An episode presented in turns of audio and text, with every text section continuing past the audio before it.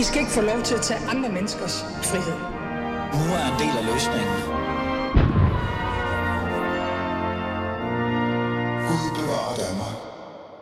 Er Elon Musk gal eller genial? Ja, det er der mange holdninger om. Alt fra ondskaben selv til potentielt franser af menneskeligheden bliver brugt om den her mand. Nu er der netop udkommet en bog igen, øh, og den er sat i gang i en debat om den her mand. Især altså fordi han både betegnes som milliardæren, men også milliardæren med den globale interesse. Øh, og ja, er det egentlig positivt eller negativt for menneskeligheden? Men altså igen, er han egentlig gal eller genial? Min gæst i dag, chefredaktør for Børsen, Nes Lunde, har læst den her nye bog, øh, i hvert fald den danske fortolkning af den, og det skal jeg nok forklare, hvorfor jeg sagde det her lige om lidt. Og måske endda har ændret holdning til manden. Jeg spørger ham om, hvad han synes om Musk, om hans indblanding i den globale politik, og måske også endda hans nyeste push om folkejournalistikken øh, i forhold til, om det virkelig er vejen til sandheden. Det er i hvert fald det, Musk prædiker. Du lytter til Fæderlandet. Lad os komme i gang.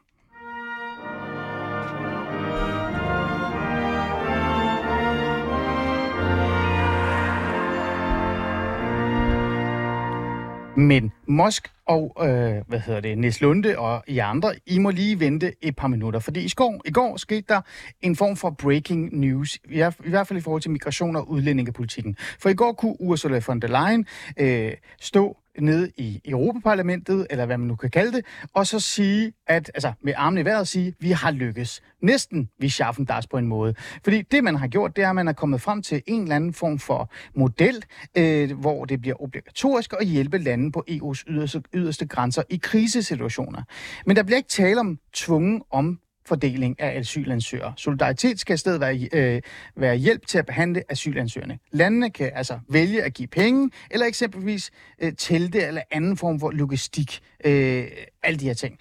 Øh, Tysklands forbundskansler Olaf Scholz betegnede aftalen som altså, historisk. Men altså, hvor historisk er den, og hvor glade er vi egentlig for den i Danmark? Kåre Dybadvæk, velkommen til. Hej, jamen, vel, tak for velkomsten. Det var så let, Kåre Dybvad. Du er jo udlænding- og integrationsminister, og øh, Ursula von der Leyen, bare lige få det på plads, hun er jo kommissionsformand. Øh, Kåre Dybvad, den her aftale, den her solidaritetsaftale, som vi selvfølgelig ikke er tvunget til at være med øh, i på grund af vores, øh, alle de her forskellige øh, forbehold, vi nu har, øh, er aftalen ikke sådan bedre end ingenting?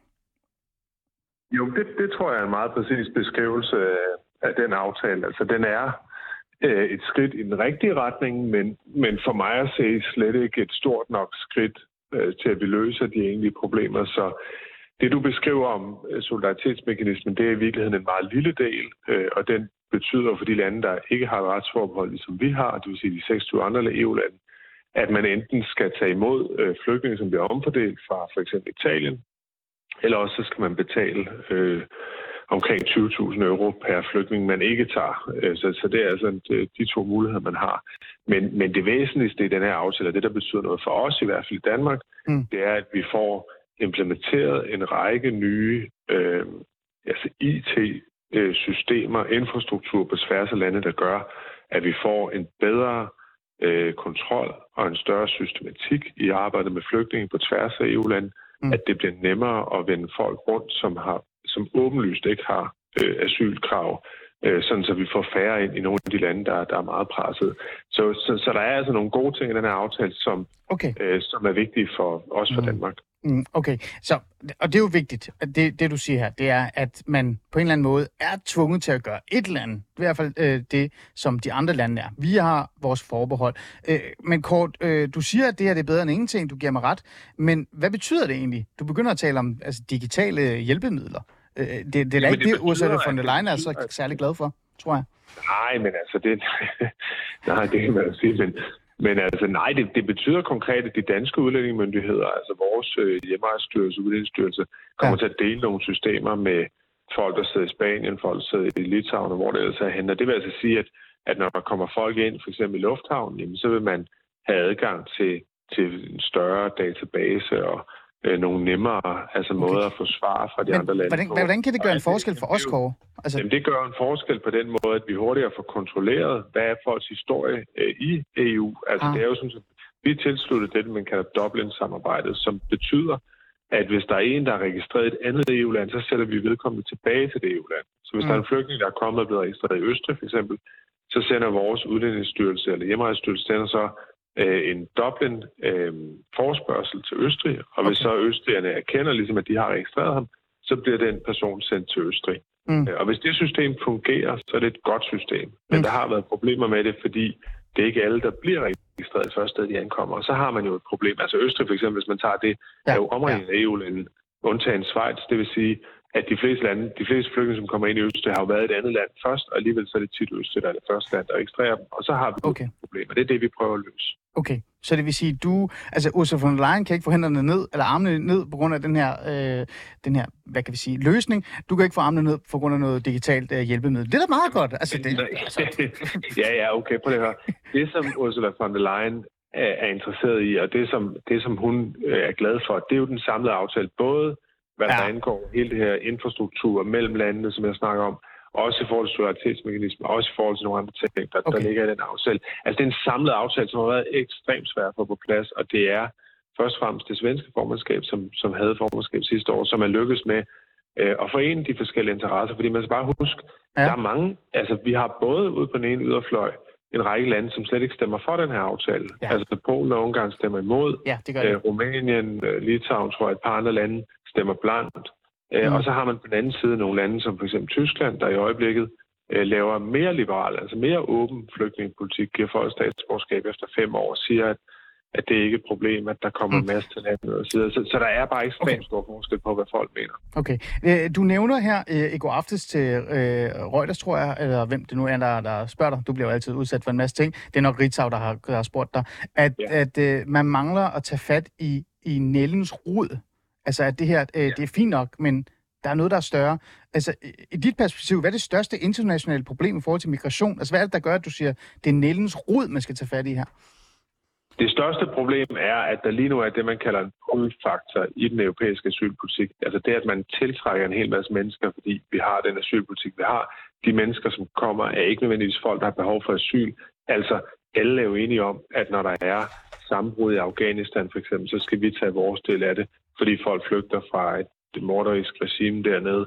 Alle er jo enige om, at når der er krig i Ukraine, så skal vi tage øh, vores del af det. Ja, jo. Altså, det sikrer, at folk, der er på flugt fra krig eller er individuelt forfulgt, har en chance for at komme til Danmark.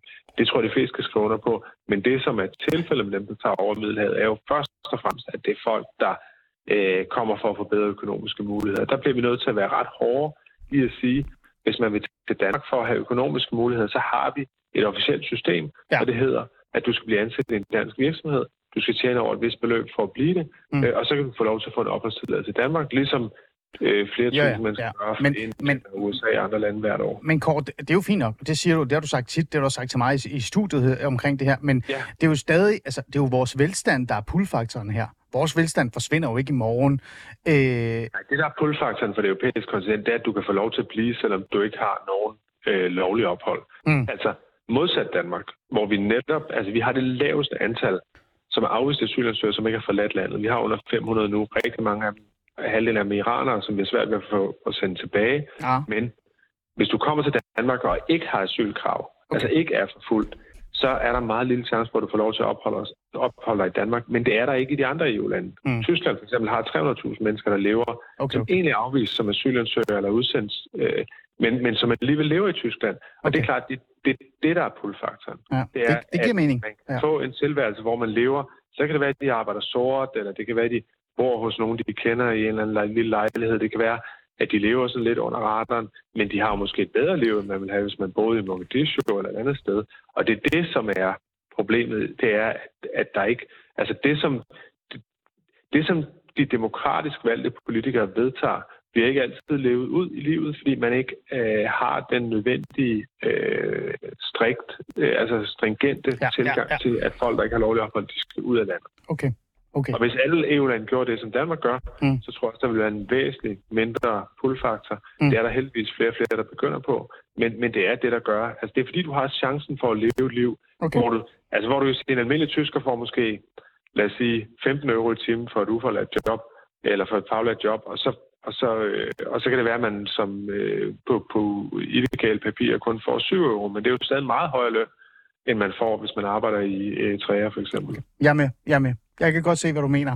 Øh, og det er derfor, jeg nogle gange har sagt til dig, måske skulle vi overveje noget, der hedder hjemsendelsespolitik. Men lad det ligge, det en anden snak. Men det er jo det, vi laver i den prøv. Ja. Vi har i Danmark den mest succesfulde hjemsendelsespolitik i hele Europa. Der kommer folk hver eneste måned og besøger os og siger, hvordan er det, I gør det her? Vi vil gerne gøre det samme.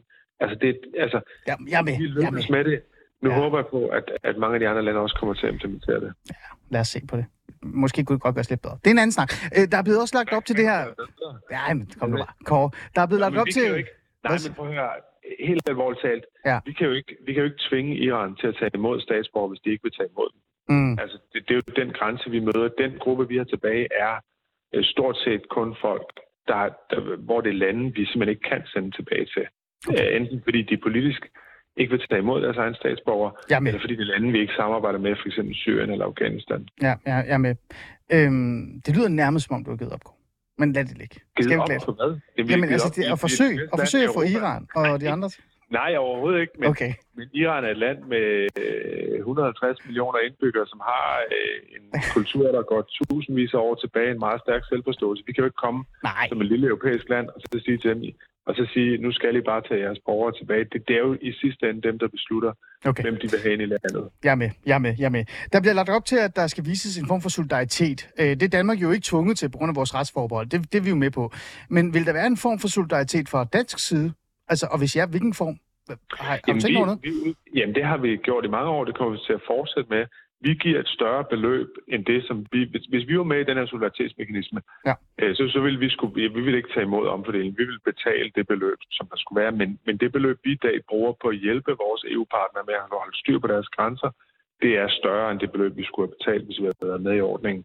Vi øh, hjælper i Grækenland med, med, med deres øh, kystbevogtning, sender mm. fartøjer derned, øh, helikopter, Øh, øh, forskellige redskaber, de kan bruge. Vi hjælper i Litauen, sender dem ja. øh, pigtråd, øh, sådan så de kan holde styr på deres grænser. Så det er pigtråd, det er penge, og det er hjælp med grænser og telte. Det er ikke nogen flygtning? Kapacitet.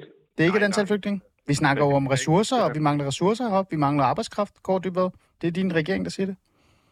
Jamen det gør vi også, men jeg tror ikke, altså hvis vi ser på vores historik omkring flygtninge, så, så går der meget, meget, meget, meget lang tid, før det bliver til arbejdskraft. Altså hvis vi ser på syrerne, som kom i 2015. Okay. Kvinderne fra den gruppe, jeg mener, det er under 30 procent. Ja, så det bliver ikke det? Det bliver ikke, vi henter ikke nogen nej, op for... Nej, overhovedet ikke. Altså det danske folketing beslutter, den danske regering beslutter, hvor mange vil vi tage som flygtninge igennem ja. det, der hedder FN's kvoteflygtningeordning. Og forskellen på FN's kvoteflygtninge, jeg skal bare lige sige det.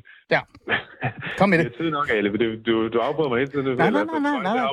Nej. Kom jeg, med det. Jeg siger bare, jeg vil hellere tage ned til Kongo, eller Rwanda, eller Eritrea, eller et andet land, hvor folk bor i nogle flygtningelejre, som er virkelig presset, og hvor folk meget få muligheder har og så hente flygtninge derfra gennem UNHCR, altså FN's flygtningssystem, end jeg vil sige, dem, der ankommer til Italien i en båd, det er dem, vi tager. Fordi mm.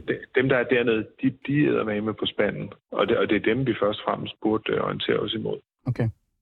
Det giver mening til mit næste og sidste spørgsmål, øh, før vi går tilbage til vores øh, emne, der handler faktisk om Elon Musk. Vi havde jo den her breaking, og jeg fik dig i studiet, det er jeg rigtig glad for, Kort Dybere.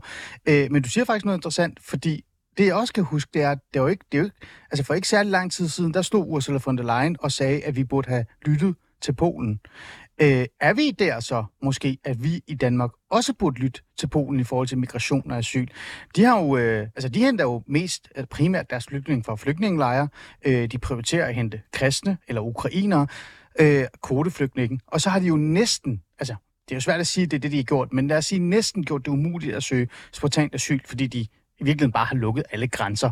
Øh, burde vi lytte til Polen og gøre det samme, Kåre Dybber? Nej, jeg, ikke, altså, jeg mener ikke, at Polen har opsagt spontan asyl, og det skal vi heller ikke gøre. Altså, vi, vi, vi skal respektere flygtningekonventionen, men, men det er klart, at Polen er et land, hvor man øh, har styr på grænserne, hvor man har kontrol over, øh, hvor mange der kommer til landet, men det er jo, man kan sige, i forhold til den økonomiske velstand, har Polen jo i hvert fald hidtil været også et noget fattigere land, end, end Danmark er, og derfor så er der også færre, som kommer der, og man får mindre i mm. øh, arbejdsløshed. Men skal vi være mere, mere ligesom Polen, Kåre? Burde vi det? Jamen, jeg tror, at... Mm, nej, altså, jeg, jeg, jeg synes egentlig, at vi har styr på vores flygtningepolitik, mm, og det, okay. som vi laver. Altså, jeg synes, hvis vi skal kigge rundt i verden og sige, hvor kan vi få inspiration, så vil jeg hellere kigge til øh, nogle af de vestlige lande, som er uden for Europa, altså Kanada eller USA, og hvordan de håndterer øh, det, at der kommer flygtninge. De har jo nogle systemer, som, som minder om det, som vi har argumenteret for med Rwanda, altså det med at sige, at, at, du, at du skal sende folk ud af landet, hvis de kommer som spontane asylansøgere for at få deres sag behandlet et andet sted, og så tager man flygtninge fra flygtningelejre. Altså det er jo det, som man implementerer mange andre steder, som fungerer ret godt. Okay. Øh, men, men, men Polen, altså jeg vil sige, ja, altså jeg synes, som EU-partner har jeg kæmpe respekt for det arbejde, de gør ved grænsen, mm. og det arbejde, de gør for at sikre, øh, at der er styr på EU's ydre grænser. Men, men deres flygtningepolitik en til en, synes jeg ikke er, at, at det, som er sådan umiddelbart mit forbillede. Okay. Kåre Dybvad øh, flygtning og, eller ikke flygtning, udlænding og integrationsordfører, eller minister, eller flygtningelejr, minister, jeg ved det ikke mere. Kåre Dybvad, tak fordi du vil være med i uh, programmet og lige fortælle mig egentlig, hvad den her uh, altså aftale egentlig indebærer for Danmark, og uh, hvad vi kan måske gøre anderledes. En fornøjelse at have det. Tak for det. Ja, tak for det. Hej.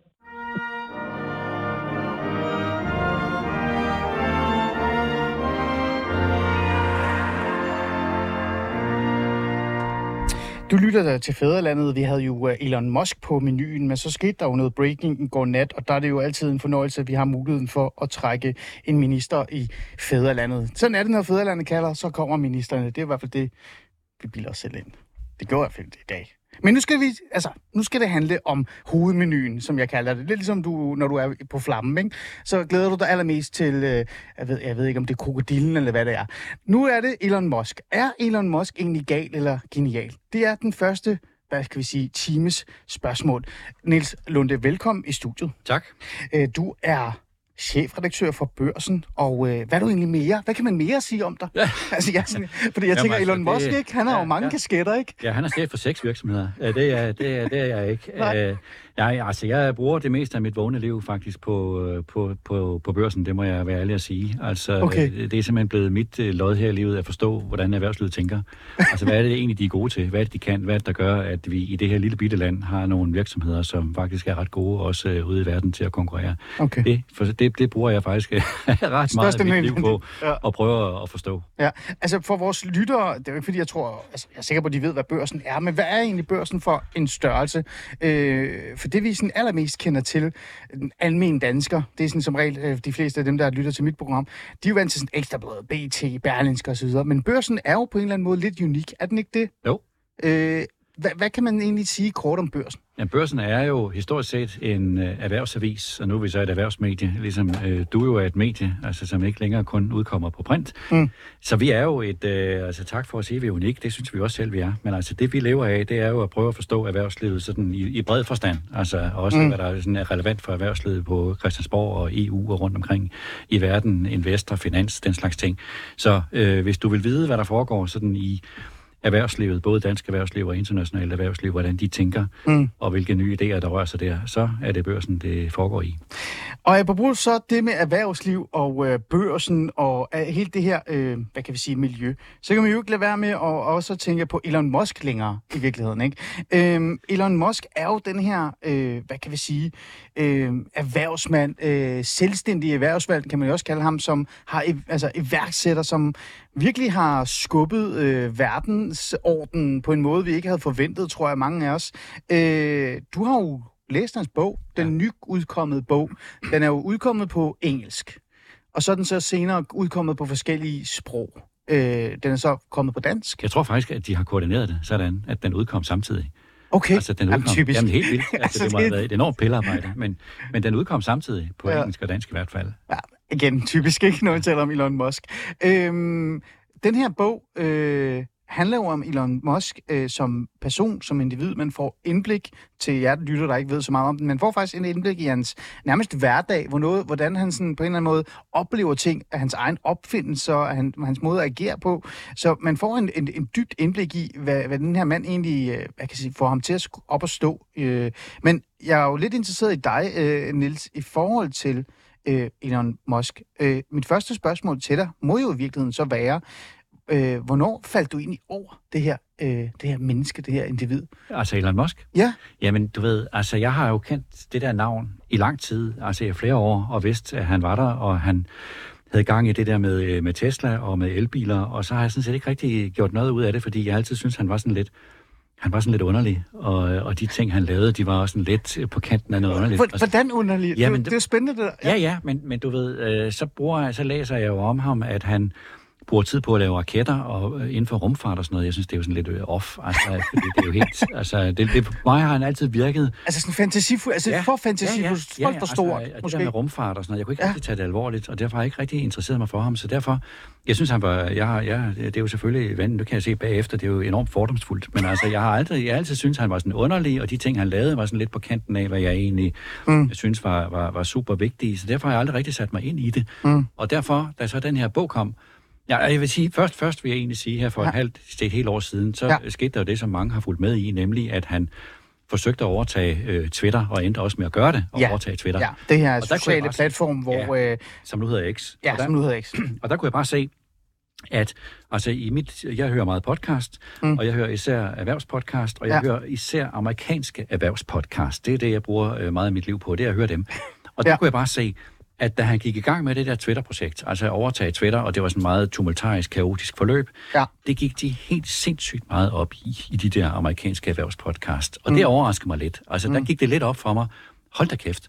Altså, Elon Musk er kæmpestor i USA. Nå, altså så hvor stor en indflydelse i virkeligheden altså er. hvor meget det gik op i det. Ja. Altså, der gik det op for mig for første gang, hvor stor Elon Musk i virkeligheden er. Okay, Og så kom så øh, den bog her, som vi nu øh, taler om, skrevet ja. af ham, der hedder Walter Isaacson, som er sådan en ret kendt øh, biograf, øh, biografi-forfatter. Øh, forfatter. Ja.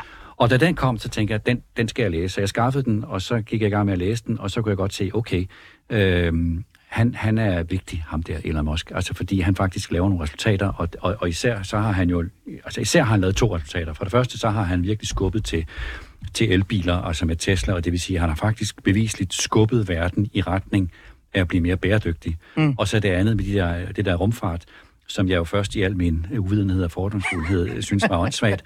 Altså, det er overhovedet ikke åndssvagt, kan man nu se. Altså, det er faktisk kvalificeret. Han har faktisk bragt mennesket tættere på Mars. Altså, takket være Elon Musk, Ja. så er jeg også nu overbevist om, at mennesket vil komme tidligere til Mars, end vi ellers ville være kommet. Og der må man sige, okay, øh, det, det, det er noget, som jeg bliver nødt til at, forstå bedre, og derfor læste jeg den her bog. altså men det, men, det er jo, men det er jo store ord, du bruger, ikke?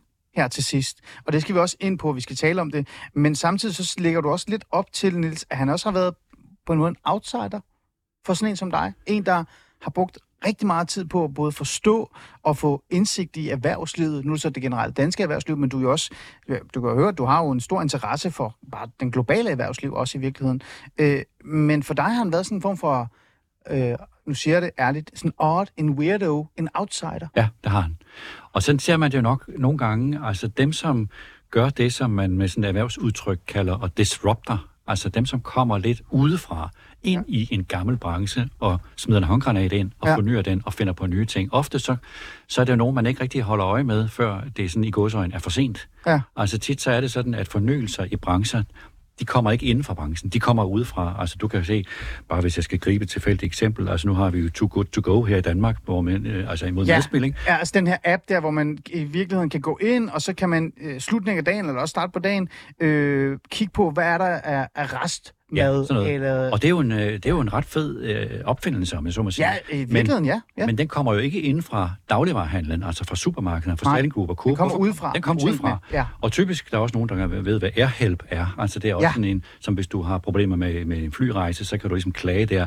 Også noget, som er ret en, en, en fin ting, men som heller ikke kommer fra et advokatkontor, som Nej. Kommer udefra fra nogle tech-startups. Så bare for at sige, altså det, man ser ofte i et sådan gammeldags etableret erhvervsliv, at dem, der rigtig sådan for alvor fornyer dem, mm. de kommer udefra. Og det er Elon Musk et godt eksempel på. Og det er sikkert derfor, jeg heller ikke havde ham på radaren, fordi han kom, øh, han kom fra sådan en tech-startup-verden, som tit er meget kaotisk. Det er den jo også her i Danmark. Altså Ja. de der tech-startupper, det er en meget kaotisk verden. Det er svært at have styr på, hvem de egentlig er. Den er meget sådan divers, meget global. Og den verden kom han fra, og derfor opdagede jeg ham sent. Øhm, jeg har jo i virkeligheden en til en samme opfattelse af ham. Jeg var jo sådan øh, optaget af Elon Musk, fordi han var den her øh, erhvervsmand, den her iværksætter, den her milliardær, øh, som både havde øh, sin fod ind i øh, sådan noget raketforskning og alle de her forskellige ting, som du nævner, men så havde han også sådan en tendens til ny og næ at bare dukke op i øh, sådan mærkelige podcast, han ikke burde være i. Altså, nu, nu er det jo mærkeligt, Joe Rogan er jo nærmest verdens største podcast, øh, en amerikansk, øh, jeg kan sige, martial arts idrætsmand, men også komiker og alle mulige forskellige ting. Han har sådan en podcast, hvor han sidder og bare taler med folk i flere timer, ikke? Øh, der dukkede Elon Musk jo op og sad og røg en, en joint øh, i, det, i det her, ikke? Og det var, sådan, det, var, det, var, det var mærkeligt at se det her menneske øh, fra en helt anden verden komme ind i den almindelige befolkningsverden, altså i øh, komik og satire osv. Og, så videre, og derfor blev jeg jo lidt øh, fanget af ham. Øh, men det gør jo også, øh, Nils, som vi er inde på, at så har vi, altså der vi er virkelig mange, der har en holdning til ham. Øh, lad os lige starte med, du har været lidt ind på det, du synes, han var både øh, underlig og usympatisk på en måde. Det har du øh, skrevet i, øh, i sådan et, øh, en form for dit syn på Elon Musk efter 700 sider. Man kan finde den på LinkedIn, man kan også gå ind på børsen og læse en bedre beskrivelse af, hvad, hvad du egentlig synes om det. Og det er jo på baggrund af det, du har læst den her bog. Øhm, jeg bliver nødt til at spørge, hvad er det, du synes, der var usympatisk ved ham?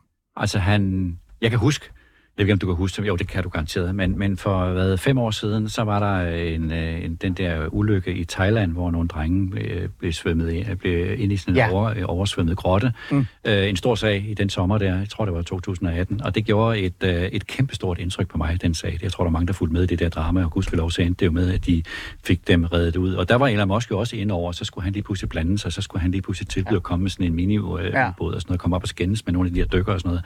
Super åndssvagt, synes jeg. Og, ja. Og, så på den måde, og det bekræfter den her bog også jo, altså han er, han er for at sige det rent ud, øh, han er både underlig og usympatisk. Altså, han behandler sine medarbejdere dårligt, han øh, råber af dem, han fyrer dem, han er kolerisk, han har det, som de i bogen kalder, og det er hans første øh, hustru, der bruger det udtryk, tror jeg. Ja. Øh, han har dæmoner. Ja. Altså, han har, øh, han har udfald, hvor han simpelthen øh, har, øh, har en dæmon, som hun kalder det. Altså, det vil sige, der er, der er simpelthen perioder, øh, hvor han er dybt øh, usympatisk over for andre mennesker, mm. og så kan han skifte meget kort. Altså, så er det en mm. øjeblik, så er han usympatisk, det næste øjeblik, der kan han være sjov og underholdende og alt muligt. Så, så øh, det, det er nærmest sådan, jeg vil næsten sige, det er sådan nærmest dokumenteret nu med den her 700-siders bog. Øh, forfatteren har fulgt ham tæt igennem to år og været med mange steder, mm. at han er, han er underlig, han er usympatisk. Mm. Og derfor er det også lidt, du ved, den der bog er også sådan lidt en, en diskussion af, eller den stiller spørgsmålet, er det okay at være usympatisk, hvis man præsterer sådan nogle gennembrud, teknologiske gennembrud, som Elon Musk kan præstere? Er det så okay at være usympatisk? Eller hvis man skal sige det lidt mere høfligt, ja. altså hvis man skal lave teknologiske gennembrud, ja. er man så nærmest nødt til at være lidt skør? Altså, altså, altså, fordi, altså jeg følger dig. Altså ja. lave nogle teknologiske gennembrud, som, ja. altså, og nu taler vi ikke om at opfinde en ny skrue eller noget, nu taler vi teknologiske gennembrud, som skubber til verden, altså, som virkelig ja, forandrer verden. Ting. Virkelig store ja. teknologiske gennembrud. Ja. Altså er presset og konkurrencen for at præstere det så ekstremt absurd, at det kræver simpelthen, at man er lidt småskør. Mm. Og bogen svarer ikke på det spørgsmål, men det Nej. er jo sådan en meget sjov overvejelse i hvert fald, også, når man ser sådan en type som Elon Musk, som virkelig er underlig, ja. at, øh, at det er det i virkeligheden det, der er forudsætning for at skabe reel teknologisk innovation. Mm. Og det er jo et rigtig godt spørgsmål, du stiller, fordi det er jo noget, vi i lang tid har slås med. Altså de her jeg tror, vi nærmest alle sammen har haft en usympatisk leder, Nils. Jeg tror også, du har haft en. Har du ikke det igennem din karriere? Jo, jeg har. Øh, men man har også stået i en situation, hvor man har tænkt, manden er usympatisk, han er fjern, han, øh, han har nogle voldsomme udbrud i ny han lytter ikke rigtigt til en, øh, men han er også dygtig. Og han rykker øh, en, og man lærer af personen osv. osv. Øh, så hvad er egentlig din egen... Øh, altså, jeg vil gerne vide, hvad du selv synes om det her, før hvis jeg spørger, hvad du synes. Altså, ja. fordi, hvor jamen, har du selv stået i det her? Jamen altså, jeg har sandelig også haft øh, chefer, som jeg ikke var vilde med. Altså, det der i hvert fald gælder i forhold til Elon Musk, er jo, at han er ubestrideligt fagligt dygtig. Og der kan man sige, hvis du har en chef, som er, for at sige det på godt dansk, er et røvhul, så er der jo mange, der vil sige, det gider jeg simpelthen ikke være en del af det der. Jeg, jeg er off. Jamen, så skrider man. Jeg så skrider. man. Jeg skrider. Ja, ja. Men hvis du har en chef, som er et røvhul, men samtidig er fagligt helt exceptionelt. exceptionelt, så vil der være mennesker, som siger, okay, det lever jeg med, i hvert fald et stykke tid, fordi jeg er fascineret af at være med her. Og det synes jeg er en vigtig pointe i den der bog, fordi mm. forfatteren der, øh, Walter Isaacson, han, ja. han sagde i en, i de her podcast, jeg hørte om bogen, at Elon Musk er en, han sagde, en, fantast, en magnet for fantastiske talenter. Mm. Og det vil sige, samtidig med, at manden er et røvhul, så flokkes meget dygtige mennesker for at komme til at arbejde for ham. Mm. Og hvorfor gør de det? Ja. Mit bud på det, det er, jamen de synes, det er fedt at øh, bygge øh, et, et kæmpestort Tesla-samlebånd i et, et telt, eller at bygge en øh, affyringsrampe til en raket ude i en ørken, alt sammen under et sindssygt tidspres. Det er der mennesker, også meget, meget dygtige mennesker, som tænder på. Mm. Og de tænder på at arbejde sammen med en chef, som sover på gulvet i fabrikshallen, som Elon Musk gør i perioder. Ja. Og det kan jeg sagtens forstå. Altså, hvis du er et, et talent, og du vil prøve dig selv af, og du vil være med til at gøre verden bedre, så kan du leve med meget for at få lov til at arbejde sammen med en person, som er ekstraordinært dygtig. Og det er han. Og det, det synes jeg jo selvfølgelig er vældig fascinerende, når man læser den her bog, mm. at, øh, at der er den der energi, og jeg tror, det er en væsentlig del til at forstå, øh, mm. Øh, ting til at forstå den værdiskabelse, der kommer ud af Elon Musk. Mm. Det, er, det er det der fænomen, at han tiltrækker faktisk øh, dygtige mennesker. Mm. Øh, du sætter også selv spørgsmålet, øh, og du har skrevet det i øh, dit indlæg også, er det prisen, altså er det prisen værd? Ikke? Det kommer vi tilbage til, øh, fordi vi skal lige tale lidt mere om, hvordan Musk egentlig i virkeligheden også er, og det bliver også beskrevet i bogen. Fordi han er jo ikke kun usympatisk, eller har de her sådan, til tider sådan, øh, en dæmon, der springer ud af en, man ikke kan regne med i virkeligheden også på en måde. Det er i hvert fald den følelse, man får, at, altså meget den, øh, jeg har læst i forhold til bogen. Øh, han er også øh, reckless på en måde. Øh, altså, der er en god beskrivelse af, at når han første gang prøvet køre Teslaen med den her autopilot-funktion, så sætter han sig øh, med de her mennesker, som er nu sikre på, at det nok skal virke, men altså, de er jo stadig nervøse, ikke? Det er jo Elon Musk, der sætter sig i Tesla-bilen for første gang med det her autokøre-funktion. Øh, men han sætter sig bag rattet uden problemer, tænder bilen, sætter sig med, øh, jeg tror så vidt jeg kunne huske det, sådan med, med, altså med lukket arme, og så stiger han bare ud, øh, altså ud af vinduet. Han gør ingenting. Han regner med, at det her, det virker for ellers vil han ikke sidde der. Øh, de andre sider er ekstremt nervøse og er bange for, at det her det ender galt. Men den her form for recklessness, den her form for brist eller bære, brænde eller lykkes, øh, hvad synes du egentlig om det? Er, det? er det? er det også det, der gør ham genial, men også galt? Ja, og det er noget, jeg genkender. Altså det, det ser jeg faktisk andre steder, ikke så øh, samme omfang, men jeg, jeg, jeg har brugt en del kræfter på at forstå det der tech-miljø, også her i Danmark, ja. også her i København. Og de der mennesker, de har en ekstrem tro på sig selv, og på, at det, de, det, de forsøger at lave, mm. at det kan lykkes. Og de er anderledes end dig og mig, Ale. det, det er de. Jeg, altså, jeg vi, to, vi to, vi vil stå af undervejs, ikke? Ja, jo, jo. Men, men de der mennesker, de tror på det der. Altså, jeg vil næsten sige sådan fanatisk uh, tro ja, på det, ikke? Jo, og det, det, det, er, det er sådan set uh, ret typisk for de der mennesker. Nu er han så i sin egen kategori, Elon Musk. Men jo, jo. det der med at tro på, at det, jeg har gang i her, mm. det er det rigtige, og det lykkes nu. Ja. Den kan jeg genkende. Men er der brug for det? Altså prøv du har fuldstændig ret. Jeg kører i en, en okay, den er, det er en ny BMW, den har den der semi-autopilot, ikke? Øh, selv den tør jeg ikke sætte på, fordi jeg er sådan en, nej, jeg skal selv styre den her maskine. Men er der brug for den her form for, øh, altså recklessness, den her form for så voldsom tro på en selv, at, at det også kan gå galt øh, for at kunne lykkes? Ja, altså det vil jeg Er det, er det konklusionen ja. altså, jeg, jeg vil jo heller ikke bryde mig om, at, øh, at, at biler kører mennesker ned på gaden. Det har der været eksempler på. Ja. Men jeg vil sige, i princippet ja.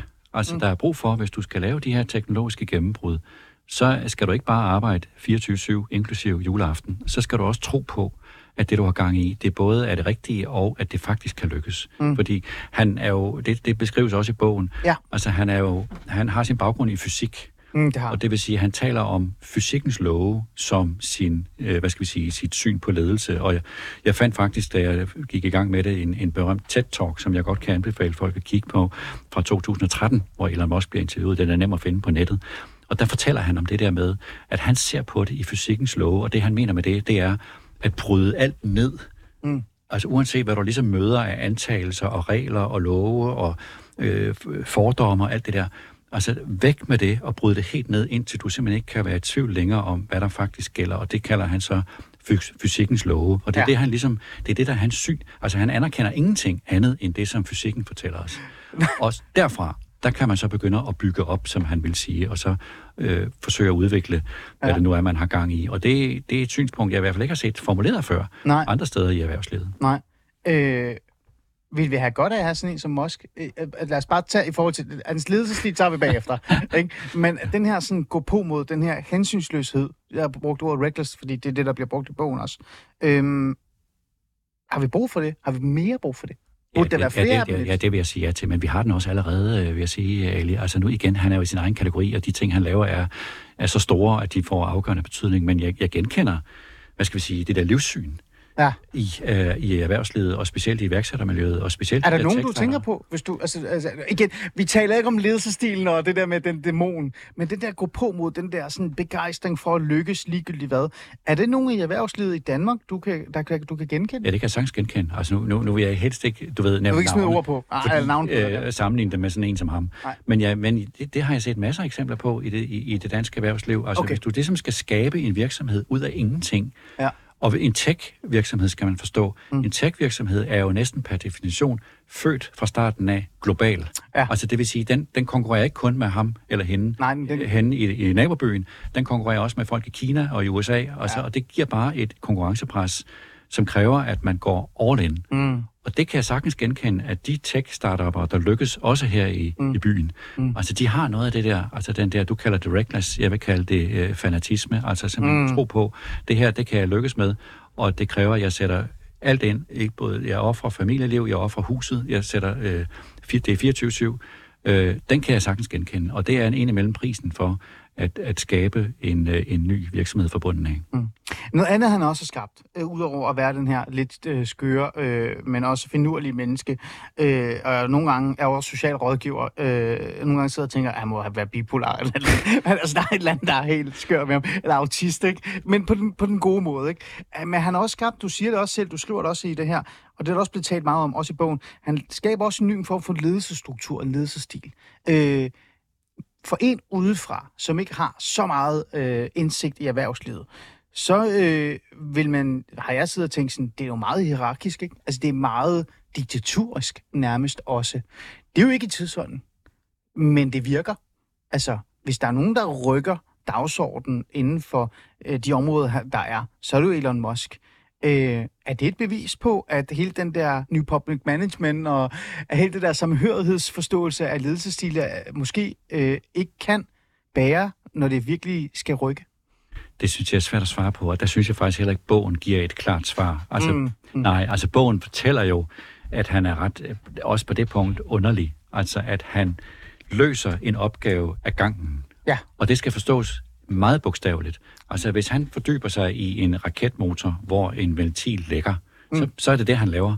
Og det kan han så lave, godt og gætter på, øh, i nogle dage, og så er der ikke andet. Nej. Altså, så, så rummer hans hjerne ikke andet end den fokus på den ene opgave. Når så den opgave er løst, så går han så videre til den næste opgave. Og det er klart, det er jo en måde at arbejde på, som er helt speciel, og som kun kan fungere, fordi han åbenbart har indrettet sin virksomhed sådan, at når han så er fraværende, øh, så kan de så... Så går den i stå, nærmest. Ja, altså, det er i hvert fald den følelse, man så, får, ikke? Så kan de selv finde ud af det. Så Ja. derfor skriver, øh, hvad hedder det, øh, forfatteren der, øh, Walter Isaacson, han skriver også, og han siger også i nogle af de der podcasts, han har givet ja. her øh, de sidste par uger, mm. altså den her biografi er ikke en lærebog, det er ikke en opskrift i, hvordan man skal Mm. udøve ledelse. Og jeg må indrømme, altså det, det, det har jeg faktisk, jeg, har, jeg synes, det, det, det er et helt øh, relevant spørgsmål, men det synes jeg er svært at, øh, at afkode, hvordan man kan gøre det i andre virksomheder. Mm. Men han har jo, Elon Musk, faktisk et udtryk for sin ledelsesstil. Han kalder det hardcore. Og, og prøv, prøv, prøv, prøv, Ja, hardcore, det han mener med det, Ja. det er lidt det, vi har været inde på. Men ja. det er det der med, at man skal være fuldstændig totalt committed på en opgave. Mm. Og det betyder også, det siger han et sted i bogen, Elon Musk, at han tror fuldt og fast på, at en lille gruppe af medarbejdere, Mm. en lille gruppe af mennesker, som er dygtige og som knokler som sindssyge, at de kan udrette større resultater end en langt større gennemsnitlig begavet øh, gruppe af mennesker. Og det, det har han for eksempel praktiseret her, da han, da han overtog Twitter. Ja. Altså, det, var- det var jo et kaosprojekt, og han er jo en kaospilot, som tiltrækkes af kaos og skaber kaos. At der øh, reducerede han antallet af ansatte fra 8.000 til 2.000. Mm. Altså, Ja. det, det er jo helt vanvittigt. voldsomt. Det er helt Ja. vildt. Ja. Men øh, han, han gør det lidt med vilje, fordi han vil gerne sende et signal. Altså, Twitter var en meget sådan hvad skal vi sige, inkluderende, lidt vogue det sagde de selv, altså arbejdsplads, og han Det ønsker... sagde de faktisk åbent. Det sagde de selv, ja. Ja. Og uh, han ønsker simpelthen at, at, at helt ændre det, og en, en, gøre op med den kultur, der var i Twitter, og påstår, at i dag Twitter er en helt anden virksomhed, end den var for bare et år siden. Det kan vi jo, det kan vi jo ikke vide, øh, i, i hvert fald ikke endnu. Men det ønsker han helt med vilje. Han ønsker simpelthen at skabe et, en kultur, der er præget af permanent travlhed, kalder han det. Ja. Og det er selvfølgelig et ledelsessyn, som man... Det er meget enten eller. Enten mm. er du med, eller også er du ikke med i det. Og nogle mm. mennesker, også dygtige mennesker, tænder på at være en del af det, og mange andre øh, løber skrigende væk. Mm. Ja, løber skrigende væk.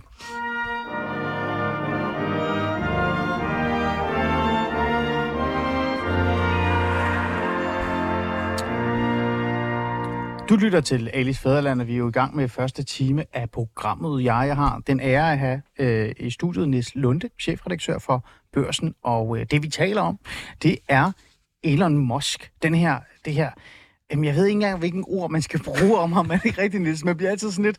Man føler lidt, øh, det er ikke nok at sige, at han er multimilliardær, og han er et øh, en ekstraordinært individ, øh, fordi han gør så meget.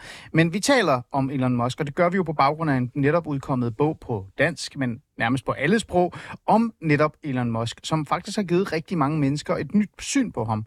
Øh, den er på 700 sider, Nils Lunde er en af dem, som har læst de 700 sider. Du har læst dem det hele igennem? Jeg har læst det hele, ja. ja. ja heldigvis og, på dansk. Jeg, jeg var ikke kommet igennem, hvis den var på engelsk. Nej, øh, og du har fået et nyt syn på ham også. Men lad os lige få det på plads. Hvorfor siger du egentlig i øvrigt, at bogen at den er heldigvis på dansk? Fordi øh, den er også undervejs ret faglig. Og, ja. øh, og der må jeg sige, altså selvom jeg sådan godt kan læse engelsk, øh, trods alt, ja. øh, det, det synes jeg simpelthen er... Jeg var gået stå 700 sider på, øh, på engelsk med faglige udtryk, det var, det var simpelthen gået stå okay. på. Så heldigvis, så det, det er simpelthen for mig i hvert fald nemmere at læse på dansk. Okay, jeg blev bare lidt nysgerrig, men selvfølgelig, det er lige før, det er sådan, den afspejler så netop også ham selv, ikke? Altså det der med, at den, skifter over til noget ekstremt fagligt, som ingen kan følge med i, øh, i virkeligheden. Øhm, men vi taler om Musk, vi har talt om hans person, hans individ, vi har talt Øh, også om hans ledelsesstil, som er exceptionelt anderledes. Øh, men det vi også skal tale om, det er hans øh, nærmest, hvad kan vi sige, geopolitiske interesser. Og det er mærkeligt at sige, for det lyder næsten som om det er et land, ikke, øh, vi taler om. Men Elon Musk især efter han overtog øh, Twitter, det her øh, sociale medieplatform, så er det nærmest som om, han er i gang med at skabe sig sin egen globale øh, altså imperium øh, i virkeligheden. Det er der nogen, der bruger øh, øh, om ham. Han har sit medieimperium, Twitter, men han er også virkelig begyndt at deltage aktivt i den globale politiske debat. Øh, alt fra folkejournalistik, som jeg sagde til at starte med, men også til Ukraine er han begyndt at blande sig i. Han har, han har udtalt sig meget kritisk omkring øh, for eksempel støtte af øh, altså militær øh, og alle de her forskellige ting til Ukraine. Øh, og det er jo ikke fordi, jeg siger, at han ligger på den russiske side, men han har sagt nogle specielle ting. Og det har fået mange, øh, Niels Lunde, til at, sådan, at tænke lidt over, reflektere lidt over, hvad er det egentlig, den her mand vil? Og hvorfor er det, at han skal blande sig så meget? Øh, hvad tænker du egentlig om, at han på en eller anden måde også blander sig geopolitisk, og nærmest virker som om, han har øh, interesser øh, i spil? Altså, jeg synes, jeg synes faktisk, det er super interessant, og det er udtryk for det, som sker i den tid, vi lever i, nemlig at teknologi begynder at følge mere og mere. Det har det jo altid gjort, men det er som om, at teknologi, og nu ovenikøbet med kunstig intelligens, for alvor begynder sådan at ændre ikke bare de vilkår, vi lever på, men måske også vores måde at tænke på. Og der er jo mange eksempler på det, altså at teknologi og tech-virksomheder nu begynder at få en en størrelse og en indflydelse på vores liv, ja. som er langt større, end vi har set før. Og du kender jo Sam Altman, ham som ja. Øh, bagmanden hedder, hvad skal vi sige, altså ham fra OpenAI, som ja. står bag øh, ChatGPT. Ja. Og øh, da han kom frem her i foråret for alvor, trådte ind på scenen, det havde han selvfølgelig været længe, men, men der blev han for alvor sådan offentligt kendt. Ja. Altså der fortalte han jo blandt andet, at, at de i OpenAI havde ragt ud til øh, den amerikanske stat, om de ville være med til at finansiere det arbejde, der foregik, og det havde staten så øh, sagt nej til. Og tilsvarende med Elon Musk og hans rumprogram, altså som jeg har forstået det, mm. så er der, er der nu dele af Elon Musks rumprogram, som er på en, et højere niveau kvalitetsmæssigt end det amerikanske NASA. Mm, ja. Og, og det, det, det, det siger jo noget, synes jeg, om den øh, tid, vi lever i, at de her store teknologivirksomheder, ikke bare Elon Musk, ikke bare uh, Sam Altman, men også jo Microsoft, uh, Google. Og, Google for eksempel, og, ja. Og Apple. Facebook også, for den sags skyld. Meta. Ja, Facebook og Meta. Altså, de har en størrelse nu, og en indflydelse nu, som er større end stater, som ledes af demokratisk valgte uh, ledere. Det er selvfølgelig enormt øh, vigtigt og, og også bekymrende, og det er man selvfølgelig nødt til at have en, en alvorlig offentlig samtale om. Udfordringen, tror jeg, hvis du ja. ser på det det er jo så, altså så vil man sige, jamen det må vi jo gøre noget med, det må vi regulere. Selvfølgelig må vi det. Mm. Det støtter jeg bestemt også, men det skal jo reguleres på en begavet måde, fordi hvis vi kigger ind i en fremtid i en sådan global geopolitisk, hvad skal vi sige, kapløb med for eksempel Kina, Ja. i ja. høj grad, som kommer til at blive udkæmpet på teknologi. Skal man så begrænse sine egne tech-virksomheder, øh, og dermed forringe sin egen konkurrencekraft over for for eksempel øh, et Kina, som ikke har de samme fine fornemmelser demokratisk, som vi andre har? Det er jo et enormt svært spørgsmål. Det er ekstremt svært, Niels, og det er ikke, fordi jeg har sådan en idé om, at du skal svare på det her. Men altså, det er jo lidt specielt. Altså, nogen vil jo mene, at Elon Musk er på dyb vand. Øh, han er et sted, hvor han ikke kan bunde. Han er også et sted, hvor han ikke skal blande sig. Altså, at manden blander sig jo teknisk set i vestlig sikkerhedspolitik øh, i virkeligheden. Øh, men som du selv siger, han er jo ikke den eneste. Nu tager vi fokus på ham osv. osv. Øh, er, det, altså, er det bare den virkelighed, vi kigger ind i? Altså værdier, vestlige værdier, vores værdier, kontra altså, geopolitiske interesser på grund af, jeg ved ikke, om vi skal sige økonomi, Niels, hjælp mig. Øh, altså, penge. Det er Altså, hvis jeg nu skal være helt ærlig, ja. Ali, så synes jeg, det, det er jeg simpelthen ikke kvalificeret til at svare på. Nej. Jeg synes, det er en af, måske en af de største udfordringer, vi står overfor. Mm. Minus øh, klima og grøn omstilling. Selvfølgelig. Øh, bortset fra det. Og jeg har simpelthen ikke svaret, øh, hvad Nej. man egentlig skal sige til det. Jeg kan bare se, det udfolder sig. Altså, jeg kan jo se, at private virksomheder har en størrelse nu, og en indflydelse nu, som er større end mange stater. Og selvfølgelig virker det på både dig og mig mm. helt uholdbart, at en kaospilot, som Elon Musk overhovedet skal have en geopolitisk rolle, for eksempel i en konflikt som mellem øh, Rusland og Ukraine. Men det er jo til synlædende det, som er den virkelighed, vi er i nu. Mm. Men, men, det... altså, men kan vi som borgere, borgere, Nils, ikke? Niels Lunde, du er borger nu sammen med mig i Fæderlandet, og det er helt okay. Prøv at det er en samtale. Du kan bare sige, at glem det. Jeg ved det virkelig ikke. Men er det ikke et demokratisk problem? Så altså, burde vi ikke som borgere være lidt bekymrede i forhold til det her? Nu nævner jeg noget helt andet. Vi har ikke talt om det her, men jeg trækker det bare lige ind, for, en, for, fordi det, der er jo noget bredere perspektiv i det her også. Øh, vi står jo netop med en koranlov, vi ikke kan finde hoved og hale i. Børsen har været ude at sige, hvor de står. Verden har været ude at sige, hvor de står. Og vi andre står også på et andet sted. Men det er jo også på grund af globale interesser, ikke? Øh, som så måske handler om virksomheder og feta, og jeg ved ikke hvad.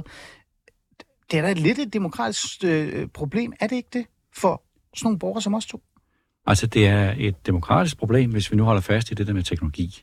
Ja.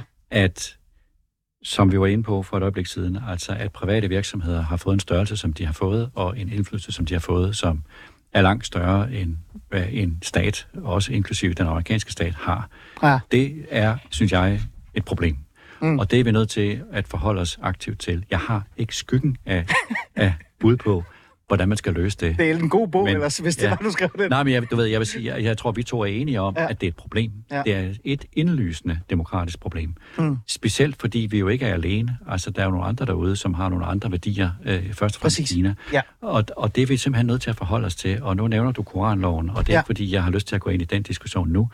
Men det er jo også et udtryk for, at vi er nødt til at indrette os i et globalt samfund, som er anderledes, end det var for hvad, bare 10 år siden. Men det er en nødvendighed så, på en måde? Ja, det er indlysende. Altså, koranloven er en nødvendighed? Ja.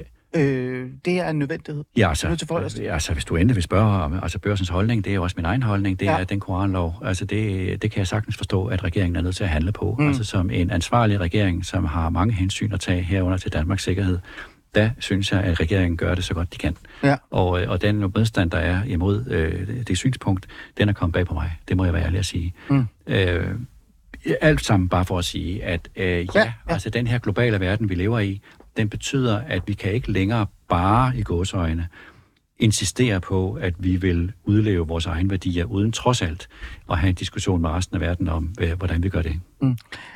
Man kan også være lidt fræk, øh, Niels Lunde, øh, fordi jeg tror, at vi to har skabt Elon Musk. Man, man kunne også være lidt fræk at sige, at det, det er det vestlige samfund, der på en eller anden måde har skabt Elon Musk. Altså det her med, at vi har dyrket, vi har været for ivrige i forhold til at idealisere de her ekscentriske kapitalister, ikke? eller øh, et eller andet sted bare stå øh, og klappe af de her store virksomheders vækst og sige, jamen det er jo godt, det er jo godt for skattekisten øh, osv. osv. Ikke? Øh, har vi måske øh, været lidt for naive og set de her blive større og større uden øh, at handle?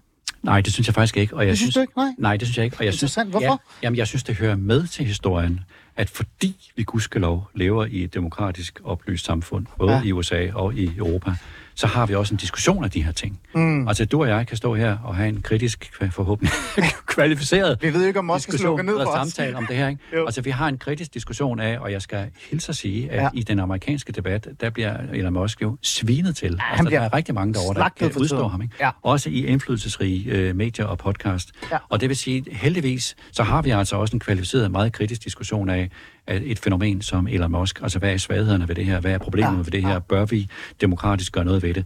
Øh, så, så jeg vil sige, gudskelov, at vi lever i, i sådan en, en verden. Ja. Og derfor håber jeg også, at jeg er per definition optimist, øh, at, at vi, vi kommer ud, vi kommer ind, træder ind i en fremtid, hvor vi og vores politikere forhåbentlig får knækket koden til at få reguleret mm. tech på en begavet måde, sådan, fordi du skal ikke, altså det, er jo, det er jo også indlysende, altså der er jo en sindssyg værdiskabelse i mm. teknologi, mm. Øh, og løfter jo masser af mennesker ud af fattigdom og giver mm. dem et bedre liv og en bedre velfærd. Mm.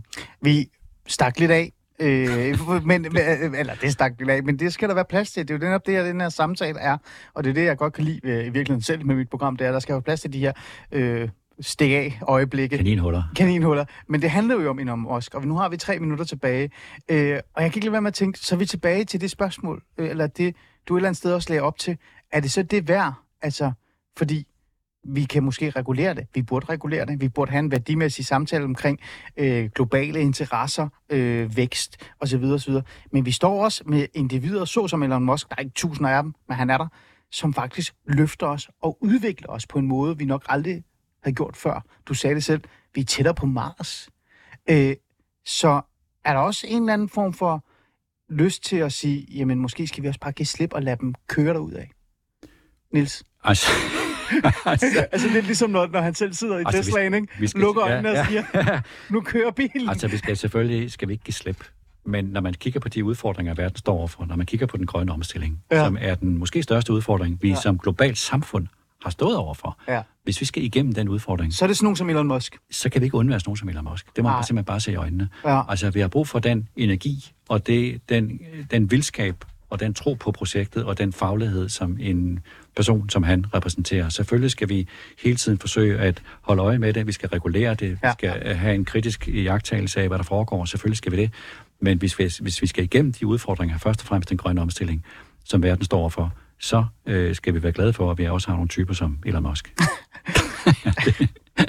altså, prøv, det, det, det værste er, og man kan sige meget om ham, ikke? Og, og hans, altså, den der, hele den der debat, der har været omkring Ukraine, hvor han blander sig i den, det er virkelig bare givet mig hovedpine.